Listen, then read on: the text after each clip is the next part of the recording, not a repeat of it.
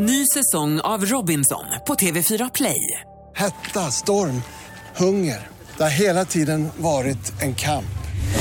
Nu är det blod och tårar. Fan händer just nu. Det. är Detta är inte okej. Robinson 2024, nu fucking kör vi! Streama söndag på TV4 Play. Jag tänkte fråga om du vill läsa upp en av dina dikter. Det kan jag göra. Du har skrivit en som heter, du har skrivit en som heter Frid här. Mm. Ja, just det. Det är den än så länge senaste som har kommit ut. Frid.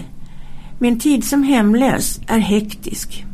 Är det inte det ena så är det det, är det, det andra eller det tredje. Sedan ska jag sälja tidningar och där på skivor. Det är också en massa flyttande mellan vandrarhem och vänner. Kryssande på båtar och färjor för att ha någonstans att sova. Till och från och från och till. Sedan är det även konstutställningar så jag kan sälja tavlor.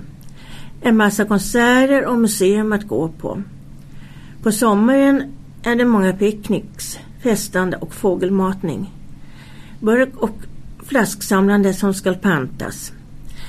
Året igenom, året om. Till och från och från och till. Fler ställen att välja på för en välbehövlig lunch. En dag i veckan, fredagar, ska en matkasse hämtas. Korsordstidningar köpas och lösas. Ibland till frissan. Inte ens när jag är sjuk blir det någon lugn och ro utan det blir bara att fara från och till och till och från. ja, så är, så är det med eh, livet så här. Man, man, man har ju inte alltid som man kan gå och lägga sig och vila när man behöver eller så ens när man är sjuk. Utan. Men jag, är som, jag har tur ibland måste jag säga. Att jag, när det är extra kallt ute eller när jag är dålig så brukar en speciell vän ställa upp. Att det får vara där i alla fall. Men helt säker är jag aldrig.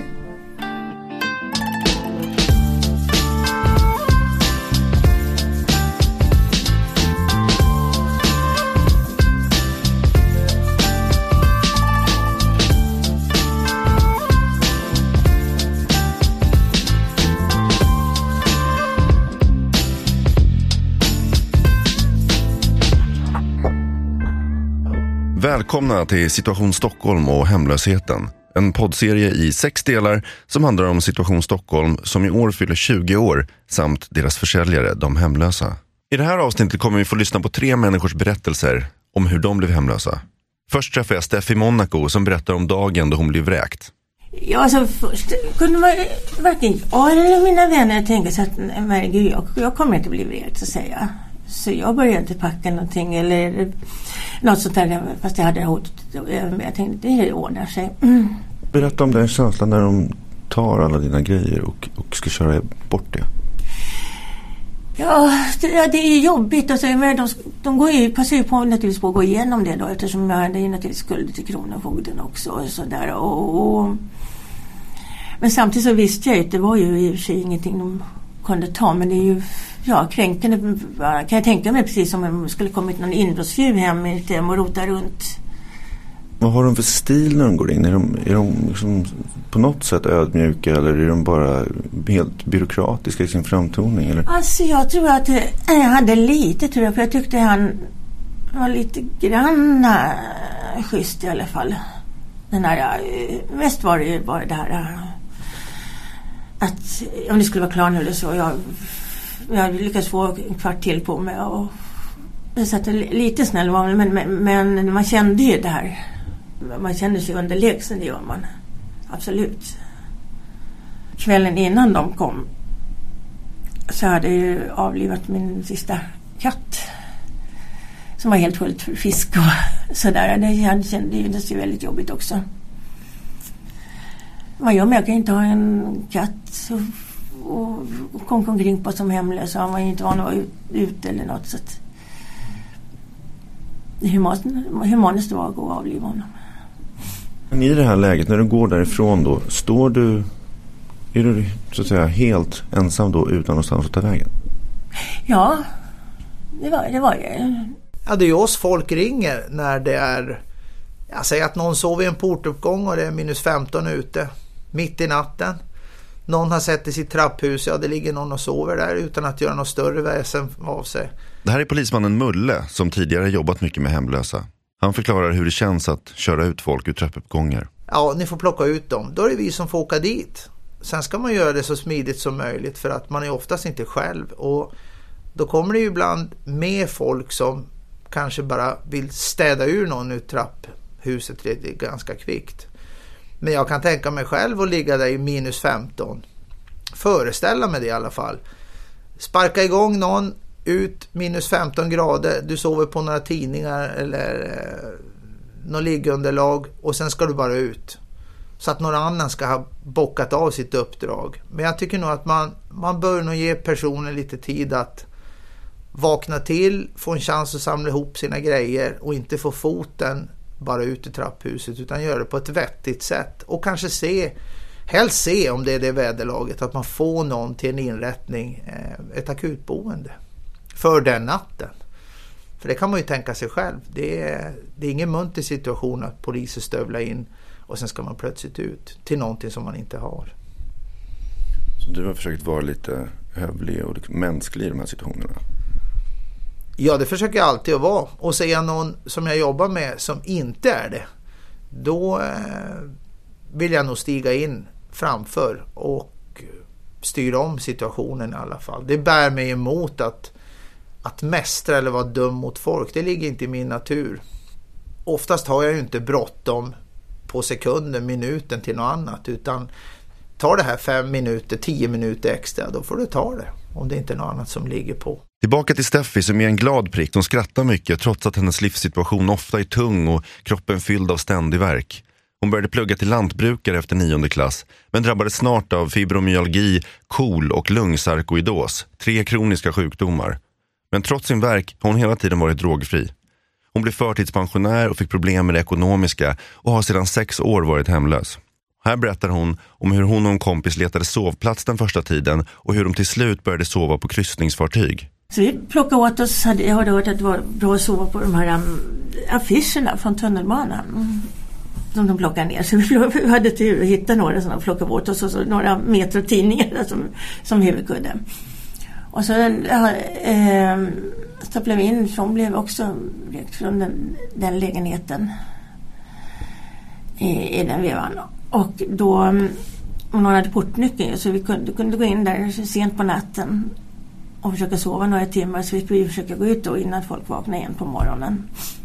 Så det var hårt och kallt att sova på med mina krämpor. Jag var ju jätterädd att det skulle bli gallskrik eller något natten varför jag skulle få så fruktansvärt ont. Att man behöver ambulans eller någonting. Men jag klarade mig de nätterna som väl var.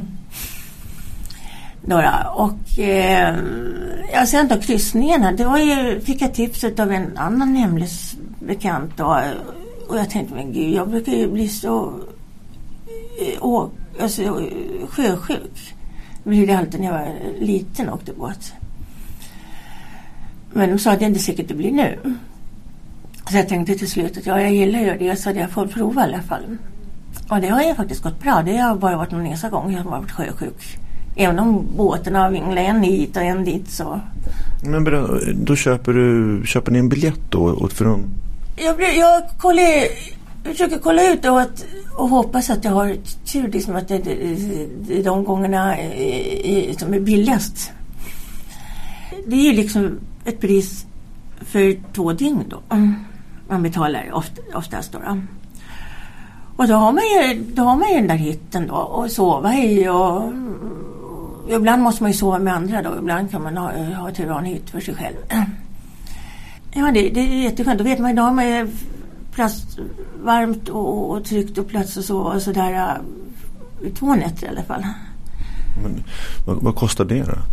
Alltså har man tur, alltså, och jag har ju gått med då i de här uh, båtklubbarna, Silja Line och Viking Line och sådär. Och då kan man ju liksom eh, ja, jättetur ibland att få en hel firmasytt till och med för hundra spänn för sig själv. och det är mycket billigare än vandrarhem till och med. Har du hamnat med något stökigt partygäng någon gång av misstag liksom? ja, det var väl en gång som det var lite stökiga personer. I, i, det var väl sitt tror jag och det var egentligen bara en som skulle vara i hytten men det var, kom en till som eh, var mycket i den, i den hytten då. Men de, de andra, hade, deras kompisar hade ju hytten en till. Så det var ju ganska jobbigt det också att det var ju liksom inte tyst. Sådär då. Men för det mesta har jag faktiskt haft det där också. Eh, att det inte varit så farligt.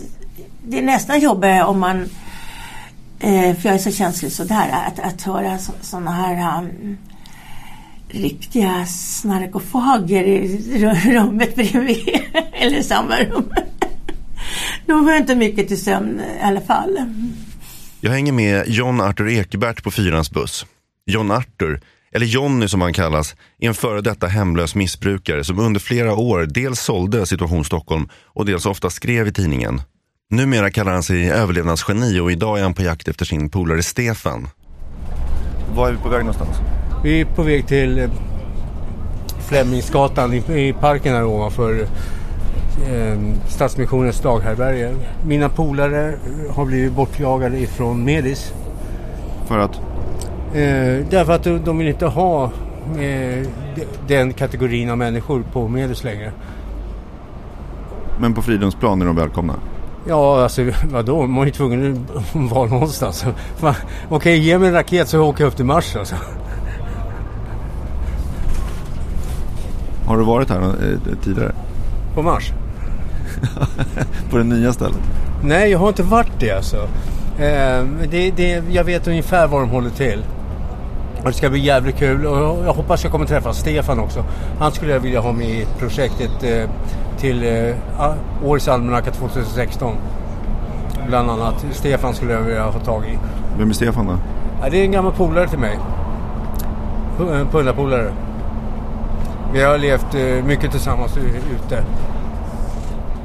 Vi var ju nere i Tantolunden för ett tag sedan och då var det ju ett par unga människor där i alla fall. Men de flesta är ju ganska mycket äldre.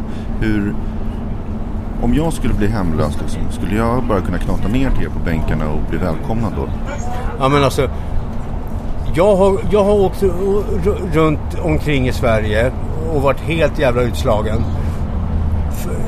Jag behöver bara sätta mig på en bänk där de andra sitter.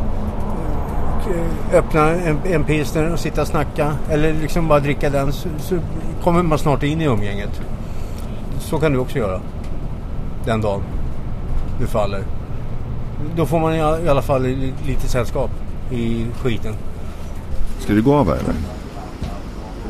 Nej, vi åker runt.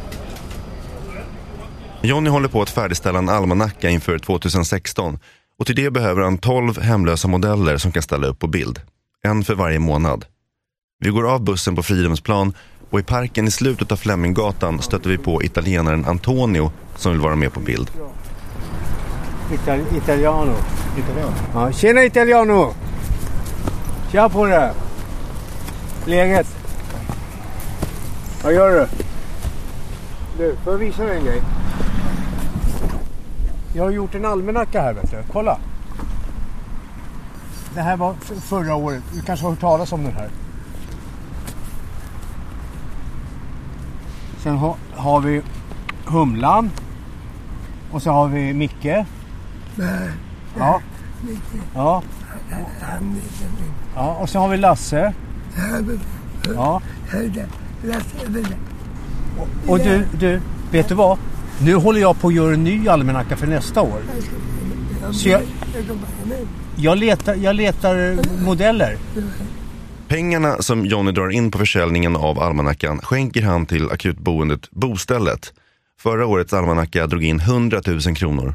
Innan vi går säger Antonio att han sett Stefan i parken tidigare under dagen, så vi letar vidare.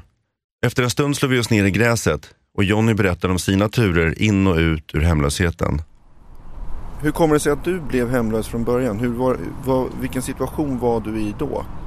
Alltså, jag skulle vilja använda uttrycket utsatt. Man föds inte på ett BB och sen fem minuter senare är man hemlös. Nej, man blir utsatt. Och ofta då redan från, som barn. det heter så fint det sociala arvet. Det är en mycket stor bidragande orsak. Och sen finns det många, många så här, vi är ju liksom individer allihopa i samhället. Alla passar inte in i, i de här stöpta formerna. Kanske tänker olika, ser olika, pratar på ett annat sätt, upp, upp, upplever saker och ting på ett helt annat sätt. Då blir man bemött också som en avvikare. Nej men alltså för mig började det som så. Började, började. Alltså jag, växte, jag växte upp med, med, med missbrukande föräldrar. Så det sociala arvet det är ju en grej. Va? Sen har det också med, med personligheten att göra. Jag var väldigt blyg. Exempel. Blyg som fan. Eh, jag var inte efterbliven alltså, men jag ville inte höja min röst i, i klassrummet. Jag gjorde allt för att läraren inte skulle se mig. Så jag, jag var helt tyst. Och liksom, jag lärde mig en teknik att gömma mig i klassen. Sen när, när skolan var slut, exempelvis när jag skulle gå, gå, gå hem på frukostrasten. Då kunde, då kunde jag bli bemött av det här. Jag öppnar dörren, morsan är full, ligger på vardagsrumsgolvet, avsvimmad och en eh, hantverkare knullar på henne. Alltså det har jag fått uppleva. Och jag bara gick därifrån och då sa den här gubben Vi bara leker. Men jag, jag fattar ju. Jag, jag var kanske 10, 11, 12 år. Jag fattar men jag gick bara därifrån. Vi var tre barn i, i vår familj. Jag var mellanbarnet, jag har en lillebror och jag har en stora syra. Jag var mellanbarnet. Och på något jävla vänster så fick de kontakt med äldre personer som de kunde liksom eh, söka sig till. Medan eh, jag kanske levde kvar med morsan och farsan. Som söp. Så jag började supa med dem när jag var 15 år. Och första gången jag drack mig berusad då var jag 12 år. Jag, tog, jag fick ett glas vin och en helt, helt ny värld öppnade sig för mig. Och jag blev en helt annan människa. Jag kände bara wow. Oj, vilken värld vi lever i. Alltså jag var eh, dölycklig. Liksom, jag, när jag kände den här äh, avstängningen av verkligheten och blev berusad på ett glas vin. Jag var 12 år. Johnny började hänga med alla hippies, raggare och punkare nere i centrum. Han stal LP-skivor och jeans åt dem och blev populär i gänget. Samtidigt som ett par mellanöl suddade bort hans blyghet och gav honom mod att stjäla ännu mer. Jag, jag kunde stå med, med, med en bunt LP-skivor i, i tunnelbanan när, folk, när Svensson kommer från jobbet i rusningstrafik och stå och saluföra den nyaste LP-skivan som har kommit ut för om det var 10 spänn eller 25 spänn vad fan det var man tog för dem. 10 spänn tror jag det var. Ja, Deep Purple, Firebore, 10 kronor. Bara. Och så kom de från jobbet bara, stannade till, bara tog upp en tia och köpte den liksom. Ja just det, jag skulle behöva lite oxfilé också. Eller lite kött så här. Ja, ja men, ja, men jag, jag kommer ikväll. Vad, vad ska du ha för något? Ja, oxfilé. Ja, kan du ta några stekar också? Ja, för fan. Då kommer man dit då med 5-10 kilo liksom. Till familjen. Pågår den här typen av handel fortfarande i Stockholm skulle du säga? Ja, det är det den gör alltså. Och det är helt otroligt att fortfarande att det finns hur många tjuvar som helst som lever på att snå oxfilé. Jag träffade en heroinist för ett par tre år sedan. Hör här nu, alltså det här är för sjukt. Vi, vi, var, vi var på Hammarby, vi, vi, vi såg på härberget Hammarbybacken. Han satt och läste serietidningar så här, innan han gick och sov på härbärget. Så här, Fantomen och Lederlappen och grejer. Han tyckte det var skitspännande. Antagligen hade han inte han gjort det när han var lite barn. Och sen på morgonen så frågade han mig en gång. Jag ska ut och sno oxfilé och sälja till pizzerierna. Så jag erbjöd mig, jag kan vara din packåsna. Ja men shit vilket tempo han hade. Han tog sig en dos på morgonen så han skulle klara av det här. Drog iväg in till en affär, jag stod utanför. Han kommer ut med så jävla mycket oxfilé i en liten jävla affär vid, vid, vid Södra station, en liten Konsum vet du. St såna här stora bitar, halvmeters liksom, tjocka feta. Och, ja, och sen gick vi till nästa jävla butik. Och han in bara ut efter några minuter, lika mycket. Och bara jag packar ner där bara, och sen till nästa butik, lika mycket. Och det här gick på 30 minuter, 45 minuter max. Sen hade han sålt det till en pizzeria. Det var en beställning. Pizzerian låg där också någonstans i krokarna. Så han bara gick in bakvägen med, med rubbet alltså. Det var 12 kilo, hade det. 12 kilo oxfilé på 30 minuter fr- från tre olika affärer. Och jag bar det där skittungt liksom. Kom han ut med pengar så här. Ja, nu åker vi och köper heroin nu. Så du jobbade lite med det här om man säger så eh, i några år. Du sa också att du har eh, haft vanliga kneg så att säga. Vilka vad har det varit då? Just det, jag började som målare på NK. Alltså detaljer, måla detaljer i, i väggarna och överallt. Och sen på Handelsbankens huvudkontor. Hade såna här, och hemma hos Bronets lägenhet på Strandvägen också. Målade jag om och skrapat tak och målat dörrposter. Då kom hans små jävla söner in du vet. De var, de var 13 år någonting, 14 år någonting då. Och i långrockar vet du. Jag vet, jag vet. Du hade flera jobb men vad var det som gjorde att eh, alltså sket det sig någonstans på vägen liksom, på riktigt? Ja, alltså st- stress, stress. Må, att, att jobba som målare det är stressarbete. Då, på den tiden, 70, 70-talet och 80-talet, början på 80-talet, då var det bara i stort sett ackord. Man fick jobba på som in i helvete och det var mycket, det var fuska, det var fuska, fuska, fuska. Fruktansvärt fuska. Och det där tärde väl på mig och sen samtidigt så levde jag kvar i mitt gamla liv. Alltså, så när jag kom hem efter jobbet då var det ju brass och det var alkohol liksom och slå klackarna i taket ut på krogen va? och hängde med mina kompisar som jag hade blivit liksom etablerad med. Sen på morgonen då så var jag alltid bakis alltså. Alltid bakis. Ja och sen sumpade jag lägenheten tack vare mitt levande då. Blev du vräkt alltså? Ja, Vad gjorde du den dagen då när, när de kom och vräkte eller sparkade ut dig? Det är jävligt, jävligt tungt alltså. Det bästa man kan göra i den situationen och det är bedöva sig så mycket som möjligt så man slipper känna de här känslorna. För det här nederlaget. Och det var precis vad jag gjort eh, varje gång. Så det är en ond spiral alltså? Det är en jätteond spiral.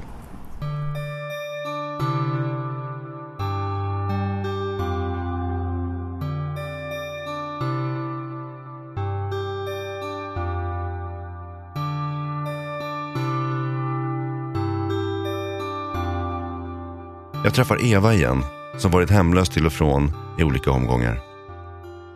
Det började med att vi bodde hemma hos min, mattes, äh, min mans mamma. Tog hand om henne. Och när hon dog så hade hon inte fått in matte på kontraktet. Och matte hade sju syskon. Och på hyresnämnden så skulle alla säga ja till det. Men de var arga på att det fanns inget arv. Så att eh, det var bara en som sa ja. Så då åkte vi ut därifrån. Så sen dess har vi bott i andra hand till att börja med bara. Så länge Matte hade jobb och så. och sen, ja. Blev vi riktigt hemlösa för ungefär två och ett halvt år sedan. Vad innebär riktigt hemlös? Ja, då hade vi verkligen ingenstans att bo. Utan då var det tunnelbanan. Då bodde vi i tunnelbanan i ungefär två veckor. Berätta om det. Hur, hur, hur gör man det? Ja, för det första så på vardagar så stänger tunnelbanan. Och sen så om det är någon chaufför som är så här nitisk så ringer han väktare så då åker du ut. Och då får du inte ens en gång vara på inne i, i tunnelbanområdet utan då måste du ut. Men på helgerna så går de ju dygnet runt så då kunde du sitta där. Men sen upptäckte vi rådhuset. Rådhuset tunnelbanan så har det en lång gång ner. Och där är det värme också. Så då var vi där en vecka. Sen fick vi tipset då att söka till enheten för hemlösa. Och då kom vi in på härbärge. Men är det så, är det så man liksom lär sig så att, säga, att vara hemlös? Att man får tips från andra som är i liknande situationer? Ja, det är så. Men, för jag har fått för mig att, man, att vissa sov till och med inne i tunnelbanetunnlarna. Att man hoppar ner på spåret och som, la sig där. Men det kanske inte är ingen värme där i och för sig. Nej, de flesta tar toaletter, offentliga, alltså är det mynttoaletter. Det kan ligga tre, fyra par eller fem, sex man inne på toaletterna. Och sen så portar tar många. De tar parkeringsgarage. Ja, vad man kommer åt där är något sån här varmt. Hur, hur är det liksom, du säger att ni bodde på Rådhusets tunnelbanestation i gången där. Hur, Alltså där bodde vi nu till att börja med i två och, två och en halv månad i, mellan november och januari. och då ligger man på, en- på, en, på en bänk? Nej, du får inte ligga. Du måste sitta för om vä- väktarna ser dig sova, då åker du ut. Så du får absolut inte sova och inte ligga ner. Så när sover ni då? Nej, vi fick eh, turas om. En höll vakt och en sov. Men så hände det ju att man somnade till bägge två. Och en del, många väktare är sch- schyssta. Men så finns det de som är väldigt nitiska och då åker ut. Och åker du ut, då går de där också bara för att kolla att du inte kommer tillbaka. Så då kan de gå där en gång i halvtimmen. Så att eh, Vad gör man då? då? får man gå runt på stan. För du kommer ju inte, tunnelbanan är stängd. Så då är det bara att gå runt. Tills ja, något, så här, Stadsmissionen öppnar något så att du kan gå in och värma dig där och få fika och frukost och så. Eva har sedan flera år tillbaka en protes på ena benet. Nu väntar hon på att få en ny. Det är som den jag har nu. Den på det första sitter den inte bra och jag får skavsår av den. Och, och det är jobbigt i och med att det är situation Stockholm på dagarna. Så jag står ju väldigt mycket och går mycket. Så att det ska bli jätteskönt. Hur är det att, att ha en protes när det är kallt ute? Blir den kyls den ner och så eller? Nej, det är den enda foten jag inte fryser om. Så jag har bara en fot att frysa om. Så det är faktiskt en fördel på så sätt. Så du kan stå i flipflops på ena benet då? Ja, ungefär. Det kan jag. Och så sätter jag den andra på, den friska foten på protesfoten så blir jag lite varm. Slipper jag stå på trottoaren med foten.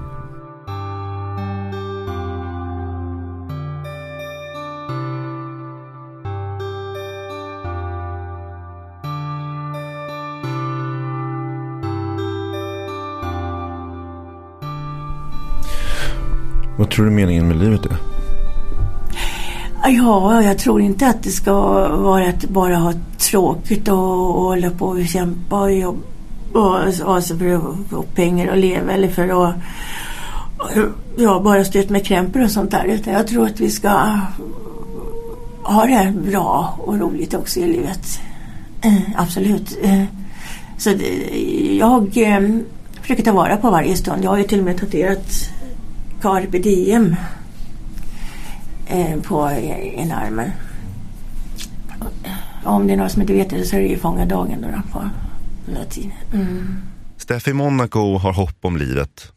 Ja, Sen det går ju framåt. Jag har ju liksom börjat måla och skriva och jag har fått ut i tidningar, sålt tavlor.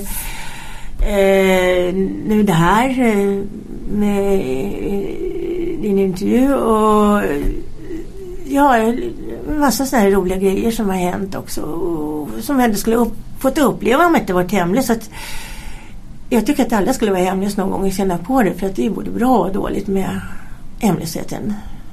Faktiskt.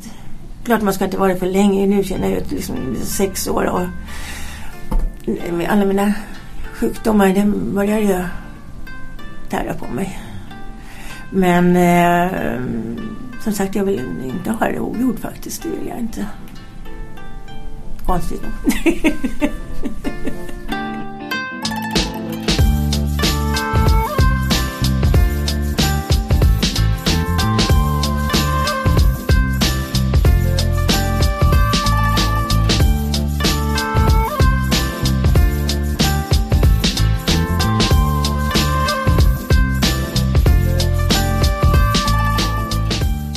Du har ju en son också.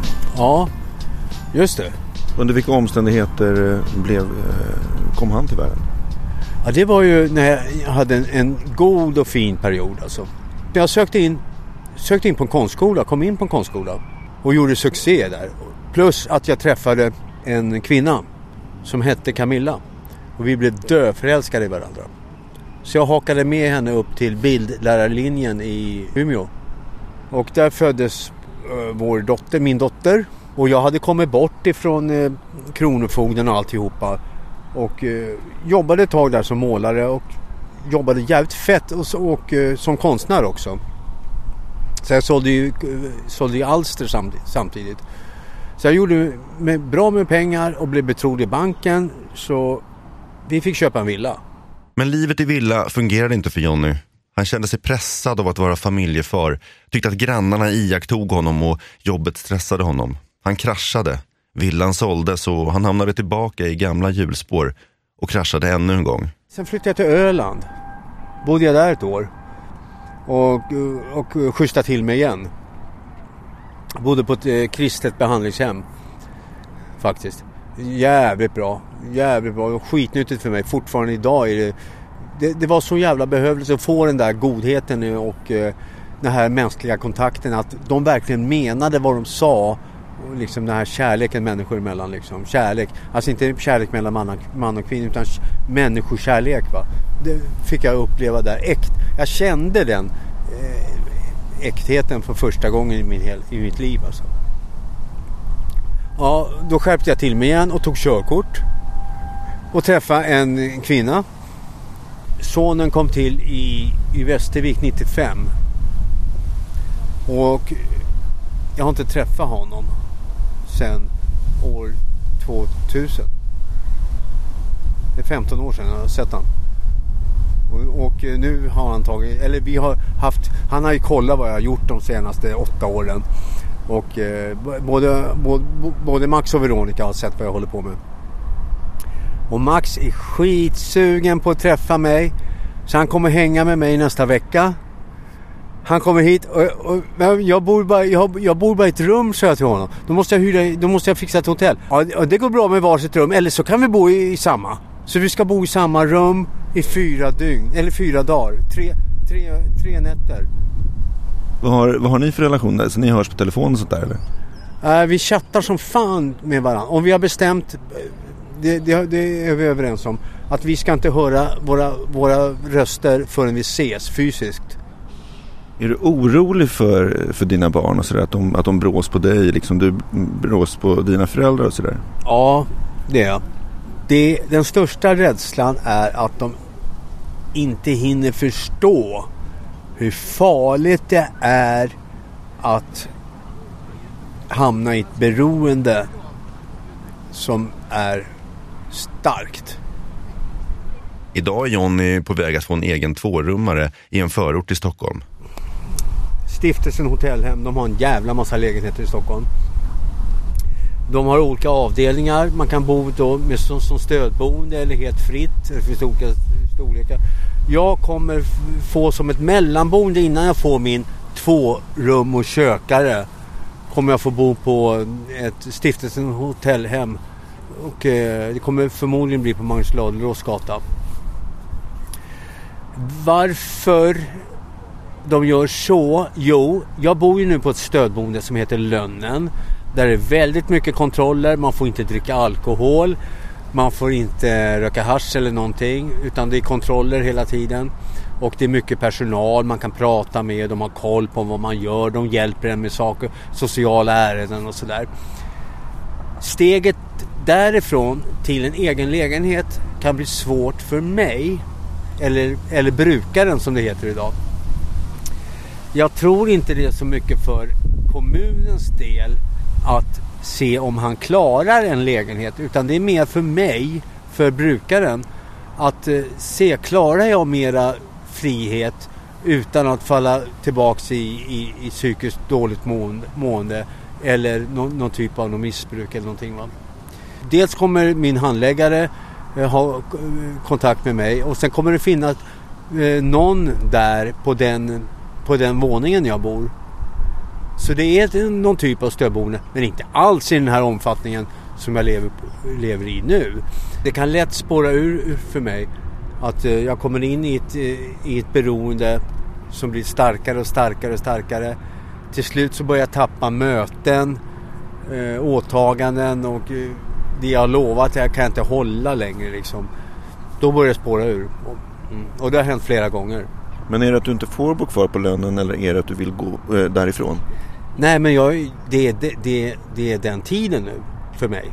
Det, alltså det är vi överens om både jag, eh, min handläggare på kommunen där, som har hand om mig och lönen tycker detsamma.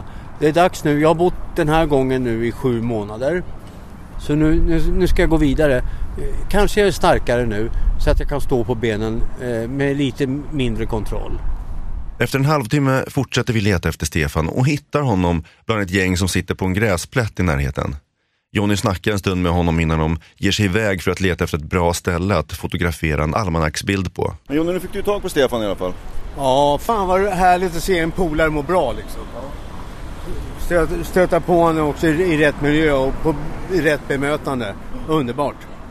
Är det så här lätt att hitta varandra? Jag, förstår inte, jag har aldrig förstått hur man hittar varandra i stan så här. Men man åker bara till ställen där man har lite uppsamlingsplatser typ eller? Ska du hälsa på Larsson åker du till Vällingby eller Norsborg? Jag inte fan vet jag. Ja, bor han i Norsborg så åker man till Norsborg. Bor han i Vällingby så åker man till Vällingby. Så, Jo. så är det inte att hitta en polare. Nej men Stefan bor ju inte i en park vid Fridhemsplan. Nej, det gör han ju inte. I och för sig. Nej, men man, man vet ju var polarna håller hus. Man ses ju med jämna mellanrum.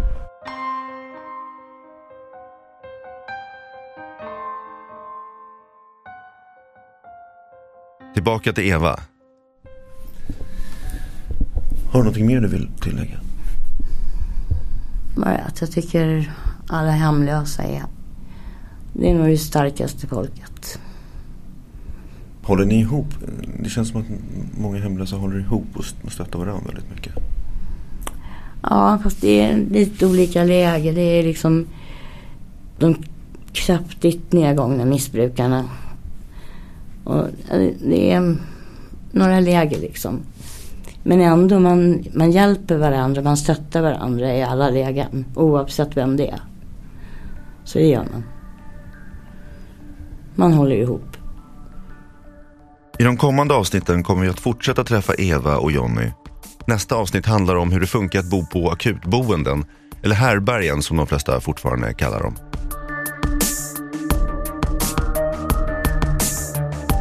Alla de här ställena, det är fastigheter. Om någon skulle köpa de här fastigheterna så skulle ingen skulle vilja bo i dem. För de är så jävla ruttna och mögliga och då, i dåligt skick. Råcksta fick de ju riva nu. Programmet gjordes av mig, Robin Israelsson, för Bauer Media Group i samarbete med Situation Stockholm. Samtliga avsnitt hittar du i Radioplay-appen på situationstockholm.se eller genom att söka efter Situation Stockholm och hemlösheten i din podcastapp på mobilen.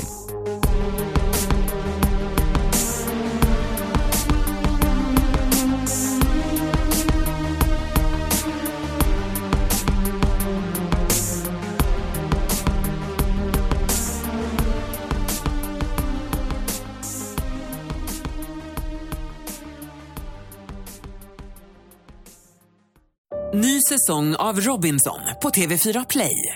Hetta, storm, hunger. Det har hela tiden varit en kamp. Nu är det blod och tårar. Fan händer just nu. Det. är Detta är inte okej. Robinson 2024, nu fucking kör vi! Streama söndag på TV4 Play.